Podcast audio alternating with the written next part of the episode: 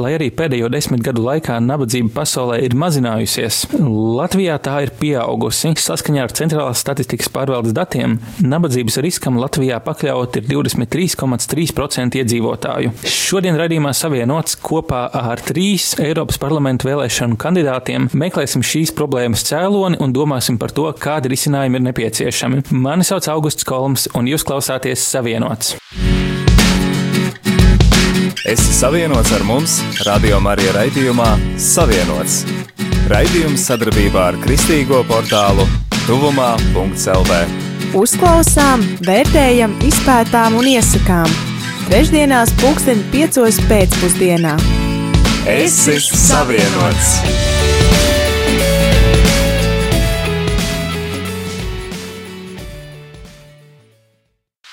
Rubrika Ieklausāmies! Ar tevi raidījums Savienots!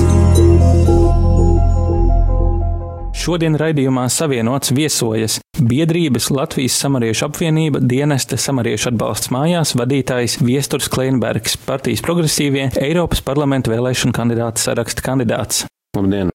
Lapmeža ciema dienas centra Zaķīšu pirtiņa vadītāja Iveta Ziemele, partijas KPVLV Eiropas parlamenta vēlēšanu kandidāta saraksta kandidāte. Labdien! Un Latvijas pretnabadzības tīkla valdes priekšsēdētāja Laila Balga, partijas progresīvie Eiropas parlamenta vēlēšanu kandidāta saraksta kandidāte. Labdien! Vispirms pastāstiet par savu darbu. Jūs visi strādājat sociālajā jomā. Tā gan būs, jā. Cik es tā saprotu, ka mēs visi strādājam sociālajā jomā, un, uh, ja es drīkst sākt, tad var nedaudz pastāstīt par to, ko es daru ikdienā. Tātad, kā jau jūs minējāt, es vadu Lapmersiem dienas centru. Tas ir darbs ar jauniešiem, darbs ar bērniem, ar pieaugušajiem. Vadam dažādas radošās nodarbības bērniem un jauniešiem, angļu valodas un franču valodas nodarbības pieaugušiem, kur piesaistam ārvalstu brīvprātīgos. Tā ir tāda platforma, kur uh, vietējie ciem iedzīvotāji var uh, pavadīt savu brīvo laiku radoši un jēgpilni galvenais. Tālāk tā īsumā. Es vadu piekto gadu Latvijas pretnabadzības tīklu, kas ir Eiropas līmeņa organizācijas. Tāda tīkla, kurā ir iesaistīts pār pa 40 Eiropas organizācijas no 31 valsts, Latvijas nodaļu, Latvijas organizāciju. Un, ja mēs pirms pieciem gadiem, kad dibinājāmies, bijām tikai septiņi aktīvisti, biedrības un nodibinājumi, tad šodien jau mūsu pretnabadzības tīklā ir iesaistījušās vairāk kā 35 organizācijas, un tās pamatā pārstāv Latvijā sociāli mazais sargātos, sociāli izstumtos cilvēkus. It īpaši liels skaits no mūsu dalību organizācijām pārstāv sievietes, arī invalīdus, arī ir atsevišķi bērnu un ģimeņu organizācijas. Un līdz ar to man Latvijā ir ļoti viegli strādāt, sajūtot to lielo atbalstu, kas vajadzīgs, lai cīnītos pret nabadzību. Labdien, vēlreiz klausītāji. Mani sauc Viesturs, un es jau 12 gadus darbojos sociālās politikas jomā. Pirms 12 gadiem sāku strādāt bērnu ģimenes lietu ministrijā. Tad es kādu laiku Rīgas domē atbildēju par visiem sociālajiem pakalpojumiem, kas atrodas Rīgas pašvaldībā. Un šobrīd es jau pēdējos piecus gadus Latvijas samariešu apvienībā attīstu aprūpas mājās pakalpojumu lauku teritorijās, kas nozīmē, ka mēs radam iespēju lauku cilvēkiem, kuriem ir palicis par grūtu sanest malku vai iekurināt uguni, lai sasildītu sev augstu ūdeni vaniņā, lai nomazgātos. Pašvaldība viņiem pārsvarā var piedāvāt tikai pansionātu pakalpojumu. Tad mēs, kā saka, ar saviem darbiniekiem norganizējam iespēju, ka pie šiem cilvēkiem atbrauc uz mājām mašīna, kurā iekšā ir duša, veļas mašīna, palīdzam viņam izdarīt tos mājas darbus un palīdzam tātad senioriem palikt savās mājās un novecot mājās, neatstāt savu mājas vietu. Nu, tas tā īsumā par to, ko es daru. Nu, vēl arī dažādas citas sociālos pakalpojumus pēdējā laikā attīstam arī dienas aprūpas centrus, grupu dzīvokļu pakalpojumus. pakalpojums Pievēršoties aktuālajiem notikumiem, jaunākie dati, kas man rīcībā ir centrālās statistikas pārvaldes publicētie dati, ka nabadzības risks Latvijā ir pieaudzis pēdējos gados. Īstenībā pasaulē kopumā ir krities, vismaz saskaņā ar vairākiem pētījumiem, bet Latvijā tas kopš 2010. gada par 58 tūkstošiem ir pieaudzis nabadzības riskam pakļauto iedzīvotāju skaits. Tas bija attiecīgi 388 tūkstoši 2010. gadā un 2017. kas ir pēdējie dati, kas ir publicēti, ir 446. Tātad gribēju jautāt, kas jūsu Manuprāt, jūs kā jomas eksperti, kā jūs to skaidrot, kas ir galvenais cēlonis nabadzībai Latvijā pašlaik? Nu, es varbūt eh, no sava skatu punkta pateikšu, ka strādājot ar pašvaldībām, īpaši Rīgas pašvaldību un ar saimas komisijām un ar eh, labklājības ministriju, mēs godīgi sakot varam nonākt pie viena secinājuma, ka Latvijā ir ļoti liela plaisa starp dažādām cilvēku grupām, un šī plaisa nepārtraukti palielinās, palielinot nabadzību. Es pat eh, savos pētījumos gribu teikt, ka ir septiņas grupas, kas visaugstāko miljonāru atšķir no vislielākā bomža ar ļoti, ļoti ļoti lielu ienākumu starpību. Un šo ienākumu starpību dara pieejamu tieši mūsu, teiksim, sociālā politika, kuras faktiski Latvijā nav. Un runājot ar labklājības ministriju, mūsu organizācija stingri pastāv uz to, ka šie 400 tūkstoši cilvēki, kas ir patiesībā šobrīd izstumti no sabiedrības normālas dzīves dēļ zemiem ienākumiem, ir jāatbalsta ar pilnīgi radikālu sociālās iekļaušanas politiku, kas ir jātīsta. Un, ja precīzāk vēl runā, tad mēs ļoti stingri mūsu tīkls iestājas par to, ka ir nepieciešams gan garantētā iztiks minimuma politika attīstīt, gan nepieciešams jauns, stingrs patēriņa grozs, lai būtu skaidrs politiķiem mūsu valstī, kādi ienākumi ir vajadzīgi cilvēku cienīgai dzīvei. Es varu teikt, tā, ka tas viens no iemesliem, kāpēc mums tā nabadzība pieaug, un patiesībā pieaug arī šīs atšķirības starp nabadzīgiem cilvēkiem un turīgākiem cilvēkiem, aizvien vairāk šī nevienlīdzība pieaug. Mēs jau progresīvajos to esam sen teiksim, tā, postulējuši un teikuši un, un norādījuši arī esošiem politiķiem, ka tas ir pilnīgs absolūts politiskās gribas trūkums šo jautājumu sakārtot. Tas ir kaut vai viens elementārs piemērs, ko pirms iepriekšējām saimnes vēlēšanām visi solīja būs lielākas pensijas, lielākas pensijas, 3x500 tam līdzīgi. Šobrīd šiem jautājumiem vispār mēs redzam, ka neviens nepieskaras par viņiem, nerunā un, un nerisina. Un es, es vienkārši vienu piemēru varu pateikt, ka, ja mums Latvijā ir 153 tūkstoši pensionāri, kurus saņem pensiju mazāk par 200 eiro, patiesībā mēs, nu, tā kā godīgi sakot, ņirgājamies par tiem cilvēkiem, jo mēs viņiem liekam iet pēc pabalstu uz sociālo dienestu, un no valsts puses tāpatās nauda tiek iztērēta, lai atbalstītu šos cilvēkus, bet mēs viņiem tikai pirms tam vēl liekam bišķiņu pazemoties un uzrakstīt iesniegumu sociālā dienestā. Tā vietā vietā mums būtu vajadzīgi tikai 60 miljoni eiro, jā, lai pieliktu pacelt šo pensiju vismaz līdz 215 eiro. Tas ir politiskās gribas jautājums, vienkārši pārlikt varbūt no vienas kabatas otrā, un teiksim, tāda globāla tāda redzējuma trūkums politiķu vidū. Un, nu, diemžēl es sekoju sociālajai politikai arī, kā jau teicu, vairāk kā 12 gadus, un šobrīd, nu, diemžēl, nekas neliecina pagaidām par to, ka tuvākajos gados kaut kas varētu uzlaboties. Es piekritīšu jums, kolēģi, vienā aspektā. Jā, šis ir politiskās gribas jautājums, bet šobrīd tiek runāts par šiem jautājumiem, kas skar pensijas un uh, arī uh, iztiks minimumu palielināšanu. Bet, manuprāt, tikai vien ar, teikt, tādiem materiāliem resursiem mēs, jā, mēs varam kaut ko atrisināt, bet mēs nevaram visu šiem cilvēkiem nolikt. Un, manuprāt, ir jāveicina šī te kompetenču izaugsme visu līmeņu cilvēkiem, ne tikai bagātiem vidusslānim vai nabadzīgiem, principā visiem ir jāveicina zināšanu iegūšana un kompetences. Arī, kas trūks varbūt lielai daļai cilvēku, lai atrastu labāk apmaksātu darbu. Nu, mums, protams, gribās nosekt varbūt visas šīs primārās lietas, kas ir nepieciešamas, bet ir nepieciešams iedot arī makšķeri rokās, lai var izmakšķerēt šīs zivis no šī ezera. Un, lai to makšķeri dabūtu, ir vajadzīgas kādas zināšanas, ir vajadzīgs iet līdzi laikam, un mūsdienās ir ļoti, nu, mūsu laiks atšķirās no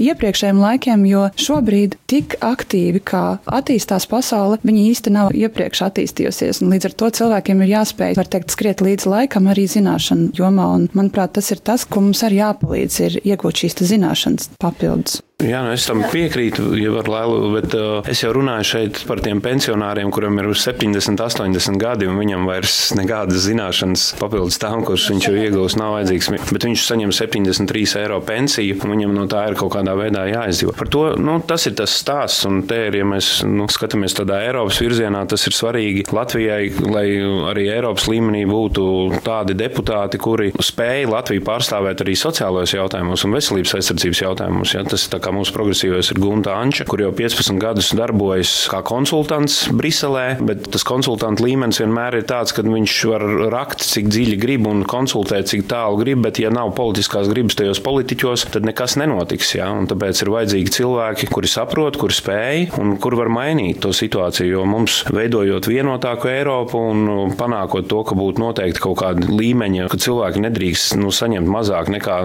ir nabadzības slieksnis, tas ir tāds kopējās Eiropas Eiropas jautājums. Un, ja mēs to Eiropas līmenī varam pacelt šo jautājumu, tad mēs atrisinām patiesībā arī visas problēmas Latvijā.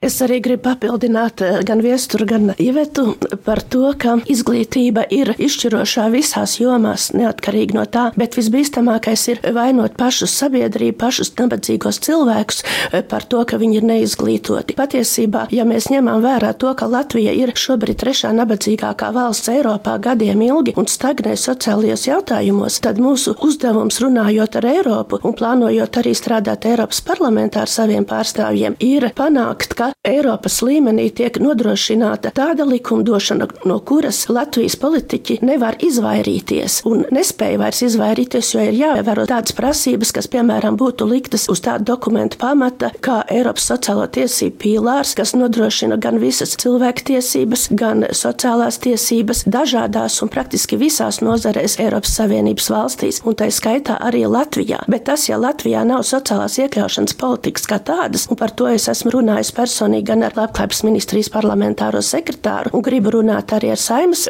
komisijas priekšsēdētāju ka mums nevalstiskam sektoram ir jānodarbojas ar ierēdniecības apmācību, ar skaidrošanu par to, kur Eiropa jau ir daudzus gadus aizgājusi priekšā mums, bet ierēģi Latvijā negrib dzirdēt, un saimnes deputāti negrib dzirdēt, un par to, ka ir jābūt speciāliem ekspertiem un speciālai jumta politikai, kas sargā nabadzīgos ārkārtīgi lielu skaitu, gan arī vairāk kā 20% Latvijas iedzīvotāju. Es nebūtu negribēju teikt to, ka tā ir paša nabadzīgo cilvēku atbildība, viņa izglītība vai neizglītība, bet es to gribēju vairāk teikt tādā kontekstā, ka mums kā valstī un vispār sabiedrībai, ne tikai no otras puses, bet principā visai sabiedrībai būtu jābūt daudz saprotošākai un pretīm nākošākai šajos izglītības jautājumos, gan no valsts puses, gan no līdzcilvēku puses. Jo, ja mēs redzam, ka kāds kaut ko varbūt nezina vai kā tam līdzīgi, vai mēs redzam, ka kādam kaut kur varam palīdzēt, es pat esmu daudzkārt vienkārši redzējis to, ka es varu kādam palīdzēt palīdzēt, es to daru, bet šeit ir jārunā valstiskā mērogā, ka ir jābūt kādām programmām, kuras palīdz šiem cilvēkiem papildus izglītoties jomās, kas viņiem pašiem ir tuvas. Tas ir viens, lai tas šis darbs patīk, un otrs, lai tas ir pieprasīts darbs darba tirgu. Tur es īvet piekrītu pilnīgi absolūti jums, jo valstī ir jānodrošina tas, lai cilvēks, kuram varbūt pietrūkst tie resursi, un tieši varbūt tas arī nabadzības dēļ, viņam nepieejama, teiksim, augstākā izglītība vai vecāku neizglītotības dēļ netiek veicināts. Tātad bērnu izglītošanā jāapzinās tālāk, ka valstī un sabiedrībai kopumā ir jābūt tiem, kas veicina šo izglītību. Tur pilnīgi simtprocentīgi. Es jau gribu kolēģi likt vairāk akcentu tieši uz valsti, jo valsts pēdējos gados ir sagrābusi, pat varētu teikt, finansējums gan no Eiropas Savienības, gan no citiem fondiem, kas nāk Latvijā iekšā, un atstūmus malā ļoti nevalstisko sektoru, kurām nav pieejams naudas lietas lietām, kuras praktiski nevalstiskās organizācijas dara. Un mēs varētu daudz vairāk palīdzēt savai sabiedrībai, kā Iveta teica teica, un īpaši izglītošanas ziņā un arī atsevišķu sociālā pakalpojumu ziņā, ja valsts pareizi un, teiksim, atklāti dalītu tos līdzekļus, kas pienākas šādu jautājumu risināšanai. Un par to ir mums jāpadomā arī mūsu nākošajā, teiksim, finansējuma plānošanas periodā mūsu lēmējiem. Un, jā, nevalstiskās organizācijas varētu būt tas sektors, kas varētu nosakt savukārt šo iedzīvotāju izglītošanu. Un, nu, tur nebūtu, nav jābūt uzreiz augstākai izglītībai. Tā var būt dažādu kursu izglītība, kaut vai ko var nosakt nevalstiskais sektors. Pirms mirkļa izskanēja kādi vārdi par palīdzību no līdzcilvēkiem. Es domāju, mūsu klausītājiem arī viņi arī dzird par šīm problēmām, un viņi domā, nu, viņi nav politiķi, un viņi zina, labi, viņi nobalsos par kādu labu politiķu, varbūt par kādu no jums, varbūt par kādu citu, kam viņi uzticas, kas varētu kaut ko mainīt. Bet kas ir tas, ko mēs katrs varam kā pilsonis mainīt šodien? Kas, jūsuprāt, ir labākais atbalsts, ko mēs varam dot tiem cilvēkiem grūtībās, ko jūs savā darbā arī satiekat un redzat? Kas viņiem ir visvairāk vajadzīgs? Nu, ja es turpinu attiecībā uz zināšanām, tad tas tiešām ir lietas, kas ir svarīgas iegūt īpaši tādiem speciālistiem, kas vēlās palīdzēt citiem cilvēkiem. Piemēram, mūsu organizācija pāris gadus jau strādā uz to, ka nevalstiskā organizācijas darbinieki kļūst par kvalificētiem ekspertiem, lai varētu, teiksim, pārstāvēt Latvijas intereses dažādās nozarēs ārpus Latvijas, bet tai pašā laikā strādāt ar cilvēkiem, tikties ar cilvēkiem, apzināt viņu intereses un pēc tam arī veidot pasākumus, kas saistās vai ar apmācību, vai ar praktiskām nodarbībām, vai pat zināmā mērā ar atpūtu pie Baltijas jūras, kā cilvēki kļūst stiprāk gan psiholoģiski, gan arī juridisks jautājums var, teiksim, risināt ar mūsu ekspertu palīdzību. Un tas ir viens no paņēmieniem, ko var darīt nevalstiskās organizācijas, un es faktiski maz dzirdu, ka Latvijā kāda cita tieši tā tādām, teiksim, speciālistu, NVO speciālistu palīdzībām nodarbotos, un man ļoti gribētos to veicināt. Man strādājot ne tikai savā dienas centrā, apmežciemā, bet vadot arī savu biedrību, kas nodarbojas ar brīvprātīgā darba organizēšanu dažādos Latvijas bērnamos, cik no viņi mums ir palikuši. Un šad tad mēs arī darām kādus labus darbiņus bērnu slimnīcas onkoloģijas nodaļā. Es tā esmu noskatījusi un sapratusi to, ka vispirms jau principā mums ir katram pašam sevi jāsakopja ja tā var teikt, savu iekšu, savu dvēseli. Un tad, kad mēs paši esam sevi sakārtojuši, tad mēs varam mēģināt palīdzēt citiem. Varbūt mēģināt sakārtot sevi. Mēs nevienu nevaram piespiest, mēs nevienu nevaram ne no kurienes izvilkt. Mēs varam tikai palīdzēt, padot šo roku un palīdzēt nedaudz pakāpties ārā. Jo tas ir, manuprāt, cik esmu tā novērojis, tas ir vairāk paša gribas jautājums. Ja mēs runājam par līdzcilvēku palīdzību, nevalstiskā mērogā, bet par līdzcilvēku, tad uh, to arī palīdzēt kādam pasniegt šo roku, padot šo pirkstu, lai palīdzētu izkāpt no kādām grūtībām, bet pilnībā izkāpt no šīm grūtībām tas ir šī paša cilvēka ziņā, gribā, tīri viņa gribā, cik ļoti viņš to vēlas, un tad jau tālāk tas, kas palīdz, tas var redzēt, cik tālu tu vari palīdzēt. To es runāju tādēļ, lai nebūtu nepalikt šī miele palīdzētāja pusē, ka es palīdzēju, bet redz, kā mani atstūma vai redz, kā manu palīdzību nepieņēma, jo nevienmēr šī palīdzība ir prasīta. Es vienmēr esmu palīdzējis tad, kad man palīdz palūdz. Man ne jau tāpēc, ka man patīk, ka man palūdz, bet tad, kad man palūdz, vai tu man varētu palīdzēt, tad es tiešām zinu, ka tev vajag palīdzēt. Jā, tur ir taisnība, ka palīdzēt visvieglāk ir tad, kad cilvēks tiešām to palīdzību sagaida un vēlas. Bet jāsaka tā, ka es savā līdzinājā darbā saskāries un to, ka mēs skatāmies, tad katrai tai grupai vai mērķi grupai, vai tie ir jaunieši, vai tie ir bērni, vai tie ir seniori, vai ģimenes ar bērniem, tās vajadzības un tās grūtības ir dažādākas. Un, ja mēs paskatāmies, piemēram, par tiem pašiem maniem piemēriem, pieminētajiem senioriem, pie kuriem mēs ikdienā braucam, palīdzēt saskaldīt malku, nu, sanest malku vai, vai, vai uzkopt māju, ja, tad viņam bieži vien daudz svarīgāk par šo mājas uzkopšanu vai malku sanešanu ir patiesībā vēlme, ka ar viņu kāds pasēž un parunājas, ja, vai viņi varbūt aizbrauc kopā uz līdz kapiņiem vai reizi nedēļā vai mēnesī aizved līdz baznīcai. Tas viņam ir daudz patiesībā svarīgāk, bet viņi to jau pat vairs neprasa, tāpēc, ka viņi tā pieraduši būt vieni un vientuļi, ka viņiem, nu, bieži vien viņi pat nepajautā to svarīgāko svarīgo. Viņiem negribas būt tā kā apgrūtinājumi, tāpēc par to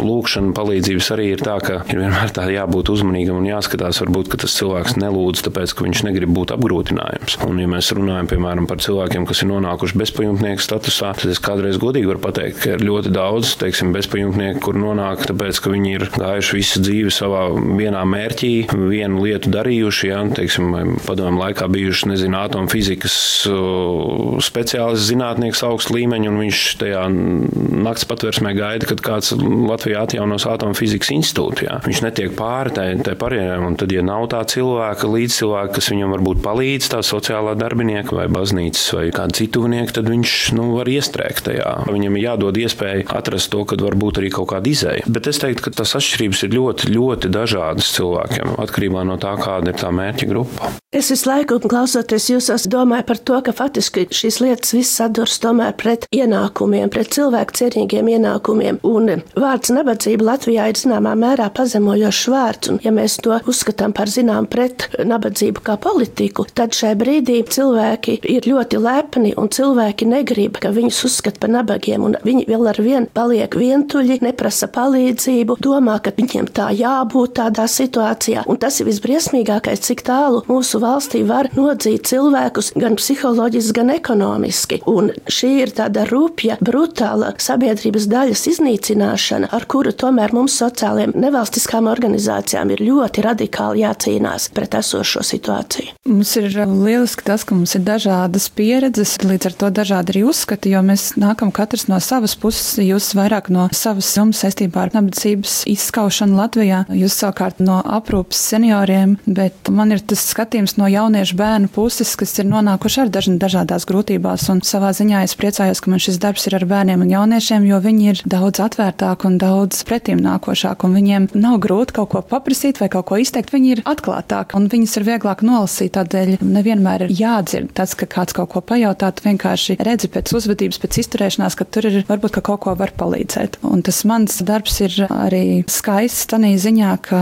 es ar savu komandu mēs darbojamies tādā veidā, ka mēs mēģinam šos bērnus, jauniešus arī iedvesmot jauniem mērķiem, jauniem sasniegumiem, kas arī, manuprāt, ir ļoti noderīgi, jo dažkārt mēs arī pieaugušie mēdzam iestrēgt kādā, kādā periodā, kādā posmā, un tad ir labi, ka kāds no malas, hei, bet var jau tā vai šitā. Un tad tev pagriež kaut kā savādāk, un tu saproti, ah, jā, bet var jau savādāk. Un tas mans darbs ir arī saistīts ar, ar bērnu jauniešu iedvesmošanu, jauniem mērķiem, kas arī, manuprāt, ir viens no veidiem, kā var kādu kaut kur iegriezt savādāk. Bet, manuprāt, to ir ļoti grūti, ja runā par pieaugušiem, kā tu jau pieminēji. Jo es personīgi ar savu organizāciju saskaros ar problēmu, ka Latvijas cilvēki, kas ir vairāk vai mazāk um, bagāti, praktiski nevēlas prasīt sev vairāk naudu. Un tam ir liela nozīme, piemēram, ja mēs prasām, lai būtu cilvēku cienīgi dzīves ienākumi virs nabadzības sliekšņa, kas ir šobrīd jau tuvojas 400 eiro, tad balsot portālā Mana balss neizdodas savākt tik ātri parakstus par to, ka cilvēki pieprasīs atdalīs naudu pēc zināma laika savai augstākajai lēmēji institūcijai saimai. Kas, jūsuprāt, ir tas, ko varbūt baznīca varētu darīt? Kur ir tā baznīcas iespēja sniegt atbalstu cilvēkiem, kuri cieši trūkumu?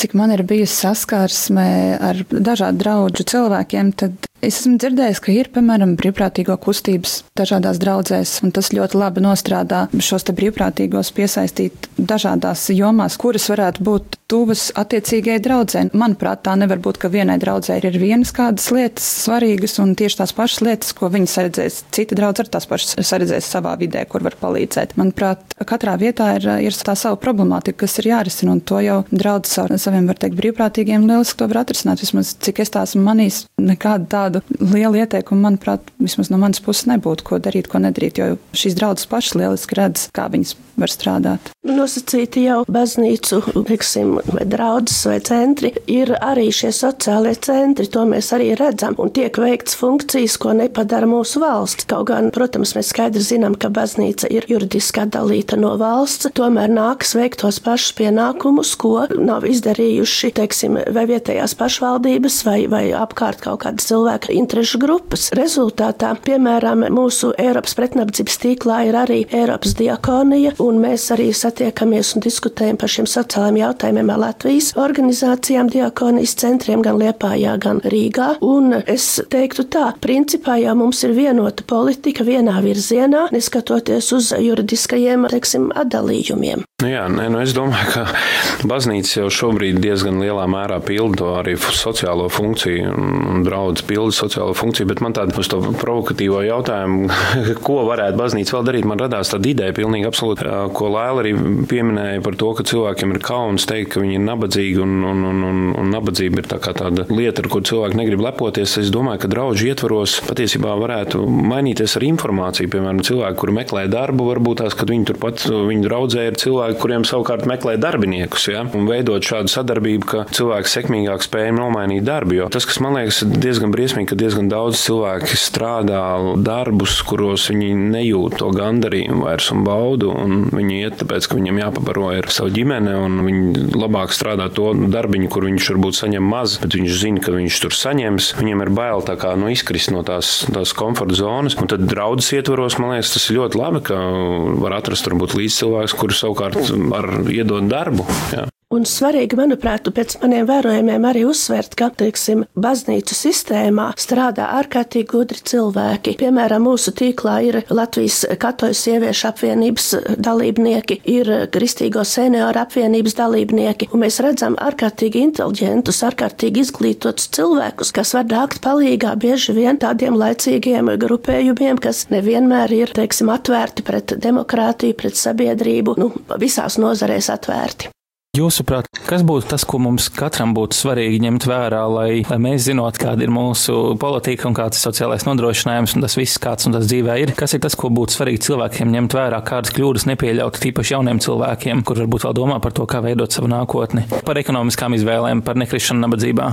Nē, nu tas, te, ko kolēģi ir pieminējuši, jā, protams, ka izglītības jautājums, jo tu vairāk un vispusīgāk esi izglītots, jo tev noteikti būs daudz vieglāk arī dzīvē atrast kaut kādu darbu un, un darīt arī darbu, varbūt, kurš tev nu, tiešām patīk. Jā. Nevis to, kas ir pieejams un iespējams. Jā. Bet es domāju, ka katram kā, nu, jā, jāmeklē tas savs dzīves ceļš un, un jādara tas, kas viņam vislabāk sanāk un ko gribas. Un ne jau vienmēr tajā naudā ir laime, jo, ja mēs paskatāmies šobrīd ļoti daudz cilvēku, kur varbūt tās ir sasnieguši kaut kāds liels rezultāts, šobrīd izvēlās varbūt iet pārvākties uz dzīvot uz laukiem mierīgākā atmosfērā un dzīvot varbūt naturālā saimniecībā, ēst bioloģiskus produktus. Tā kā, nu, es teiktu, ir svarīgi, lai cilvēks ir apmierināts un dara to, ko viņš grib, un varbūt mums nav visiem jābūt ļoti bagātiem. Ja? Tas arī tāda tiekšanās pēc naudas, man liekas, ir tāda mūsdienu patērētāja kultūras tendence. Ja? Jo nu, svarīgi jau, lai cilvēks var kvalitatīvi dzīvot, uzturēt savu ģimeni un nu, atļauties reiz reizē varbūt kaut kur paceļot. Ja?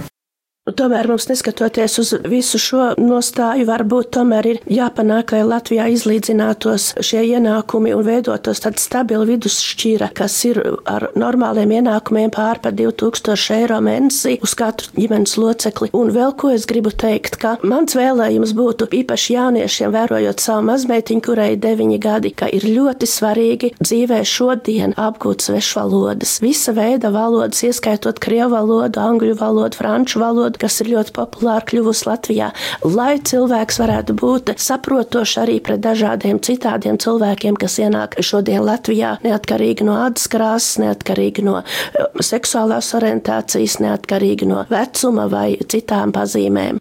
Man šķiet, ja es tā varētu varbūt atgriezties nedaudz, nedaudz pagātnē, un ja man būtu iespēja sākt varbūt lietas vēlreiz, protams, es darītu visu tieši tāpat, kā esmu darījusi, un viss ir forši un kārtībā, bet ja es tā varētu, ja man būtu iespēja, piemēram, tagad domāt kā tādam pusaudzim, tad es domātu to, ka jā, vispirms ir izglītība, jā, to es izdarīju, un, un, un viss ir kārtībā, iegūt izglītību, kā jau kolēģi minēja, lietas nesasteigt, padomāt ar vēsu prātu, vai man tiešām vajag braukt uz ārvalstīm pelnīt, vai tomēr es varu atrast darbu šeit. Vai tā augstskola, kurā es iestāšos, vai tā būs tiešām tā man pareizā un man labā, nevis to, ko varbūt vecāki ir izdomājuši. Jums vairāk ir jāpadomā par to, ko jūs tik tiešām paši vēlaties dzīvē sasniegt un atrast to jomu, kurā jūs jutīsieties laimīgi, jo jūs nevarēsiet, mēs neviens nekad nenopelnīsim visu pasaules naudu, un mums tomēr ir katram svarīgi atrast to sfēru, kurā mēs jūtamies labi. Protams, jebkurā darbā būs sava garoziņa un nevienā vietā nebūs pilnīgi simtprocentīgi superīgi strādāt jebkur būs savu garoziņu, bet tomēr atrast to jomu, kurā visvairāk jūs jutīsieties labi. Tas ir viens. Un, jā, protams, tagad ir ļoti aktuāli. Es tik, tikko minēju par to, ka varbūt nevajag izbraukt uz ārvalstīm strādāt un, un, un tādā veidā, bet tāpat laikā tās pašas augstskolas jums piedāvā visādas Erasmus programmas, un, un es ieteiktu tās izmantot. Tās es savā laikā neizmantoju, bet tagad skatoties atpakaļ, jā, es varbūt būtu gribējis izmantot šīs Erasmus iespējas, izbraukt Eiropā, apskatīt, iegūt plašāku skatu uz dzīvi un iegūt tādu nu, jā, plašāku un vispusīgu skatu uz notiekošo pasaulē. Tā kā izmantojiet tās iespējas, kuras jums dzīve dod, nesasteidzat lietas un uh, iegūstat pēc iespējas labāku,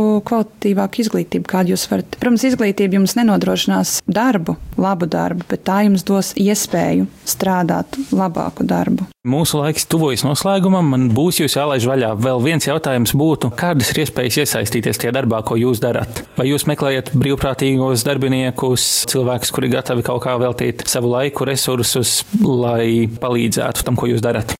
Runājot par Latvijas pretnabadzības tīklu, mums visvairāk ir vajadzīgi speciālisti zināmās jomās, kas pamācītu, apmācītu semināros, praktiskajās darbnīcās, dažādās Latvijas vietās, citus nākošos, teiksim, nabadzības ekspertus, nabadzības pārzinātājus, kuri varētu izstrādāt pēc tam likumdošanas aktus, strādāt ar dažādu veidu dokumentiem, jo tas arī ir viens no darba formām, ko mēs darām, nepārtraukt sekojam līdzi sociālās dimensijas attīstībai Latvijas nacionālajā nacionālajā attīstības plānā un citos Latvijas dokumentos un par to ziņojām Eiropas komisijai, lai varētu pēc tam salīdzināt Latvijas situāciju ar citām Eiropas saimnības valstīm un to uzlabot. Lapmešiem dienas centrā mēs organizējam dažādus izglītojošos, iedvesmojošos stāstu ciklus, un mums šajā ziņā noderētu cilvēki, kas būtu ar mieru atbraukt pie mums ciemos un bērniem, jauniešiem pastāstīt, ar ko viņi nodarbojas, ja tā ir kāda interesanta specialitāte vai nodarbošanās, pastāstīt, kā viņi ir nonākuši līdz šādai te specifiskai darba darīšanai vai kā tam līdzīgi, jo līdz šim mums ir bijuši vairāk tādi sabiedrībā populāri cilvēki braukuši ciemos un stāstījuši, kā, kā viņi ir tikuši līdz tai savai karjerai, kādēļ ir bijusi tā tāda izvēle. Tā kā droši pieskatieties, brauciet ciemos, pastāstiet, iedvesmojiet, un tas ir tas, kas mums ir vajadzīgs. Nu jā, man ikdienas darba dzīve arī diezgan daudz saistīta ar brīvprātīgiem. Gan Latvijas samariešu apvienībā strādājot, mums ir arī vairāk nekā 300 brīvprātīgie, kas darbojas dažādās jomās. Un, ja cilvēks grib, nezinu, pavadīt laiku kopā ar senioru, palasīt priekšā grāmatu, cilvēkam, piemēram, ir daudz cilvēku, kurus slikti redz, un, un viņi nevar paši vairs palasīt. Jā. To var darīt, var iesaistīties ļoti dažādi, var palīdzēt kaut kādos mājas darbos, tajos tiem pašiem lauku cilvēkiem, kuriem nav vairs spēka vai iespējas, teiksim, ābelītēm iz, iz, izpolgāt zarus. Jā. Mums arī brauc no arodu skolām, no tehnikumiem jaunieši un palīdz arī šiem cilvēkiem. Tas iespējas ir ļoti dažādas. Mums arī partijā progresīviem mums arī ir ļoti attīstīts brīvprātīgais darbs, jo mums nav liela līdzekļu, par kuriem reklamēties kampaņās. Mēs visi darbojamies uz brīvprātīgas pamata un var arī iesaistīties arī šajā nozarē. Es teiktu, ka brīvprātīgais darbs ir ļoti laba lieta priekš jauniešiem, lai saprastu, ko viņi dzīvē grib darīt. Jo es godīgi atceros, ka man pat 25 gadu vecumā nebija vēl prātā par to, ka es varētu kādreiz dzīvē pabeigt sociālo darbu, maģistratūru. Man patika politikas zinātnē, bet tas ceļš, ceļš aizved kaut kādā līkločos. Un tad, ja, ja šobrīd ir iespēja brīvprātīgo darbu, pastrādāt, tad jaunietim ir iespēja aiziet tajā nozarē, kurā liekas, ka viņam varētu būt interesanti strādāt, aiziet pamēģināt, padarīt kaut kādas darbiņas, kaut kādas lietas un saprast, vai tā nozara tiešām ir tas, ko viņš grib dzīvē darīt vai nē. Un es gribu papildināt viesturu ar to vēlreiz uzsvert, ka šodien būtībā ir pienācis progresīvs laiks, un tieši jaunieši ir tie progresīvie cilvēki, kuri var visvairāk mūs atbalstīt. Un tas ir svarīgi, lai, teiksim, dzīve veidotos ar nākotnes skatījumu tieši priekš jauniešiem. Es sacīšu paldies par jūsu laiku. Šodien raidījumā savienots viesojās biedrības Latvijas samariešu apvienība dienesta samariešu atbalsts mājās vadītājs Viesturs Kleinbergs. Viestur, kur ir labākā vieta, kur jūs atrast? Var Facebookā atrast, var Twitterī arī atrast. V. Kleinbergs. Lapmeža ciemata dienas centra zaķīšu pirtiņu vadītāja Iveta Ziemele. Kur ir labākā vieta, kur atrast jūs? Facebookā Iveta Ziemele, tas būtu tas privātais profils, bet politiskais būtu Iveta Ziemele KPVLV un Latvijas pretnabadzības tīkla valdes priekšsēdētāja Laila Balga. Laila, kur ir labākā vieta, kur jūs atrast? Man ir ļoti attīstīts Facebook pār par 3,5 tūkstošiem sekotāju, un labprāt tur var izlasīt visu par manu darbu. Bet arī ļoti labi attīstīta ir mūsu organizācijas mājaslapa eapn.lv. Tad paldies par jūsu laiku! Es esmu bagāts, man pieder viss kas ar mani ir noticis.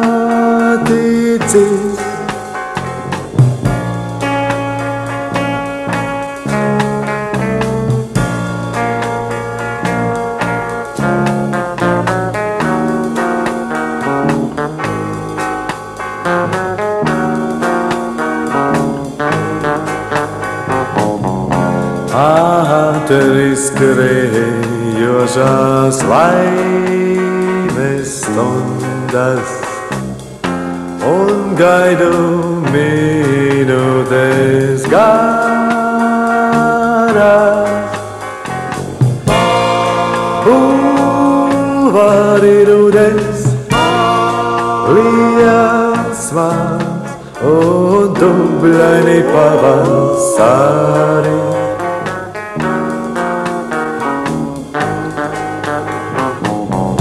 Pēc kara plānā maize. Un vēlākais sēci gribi.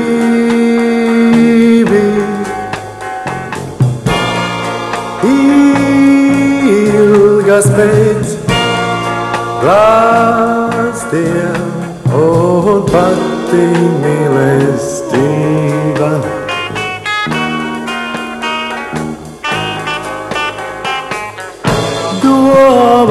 Domās tīras kā krītošs liekas un pa vidu netīras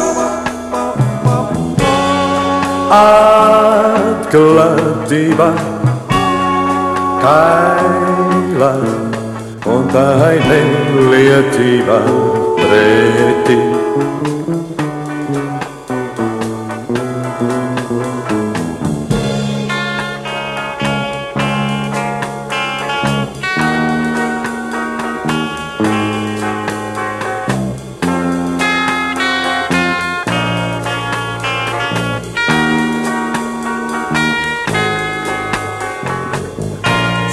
Smaga ir tāda nasta.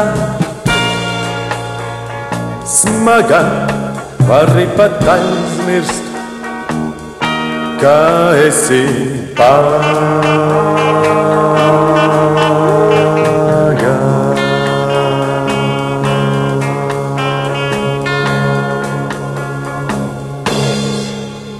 Šodien raidījumā savienots viesojās biedrības Latvijas samariešu apvienība dienesta samariešu atbalsts mājās vadītājs Viesturs Klinbergs, partijas progresīvie Eiropas parlamenta vēlēšanu kandidāta saraksta kandidāts.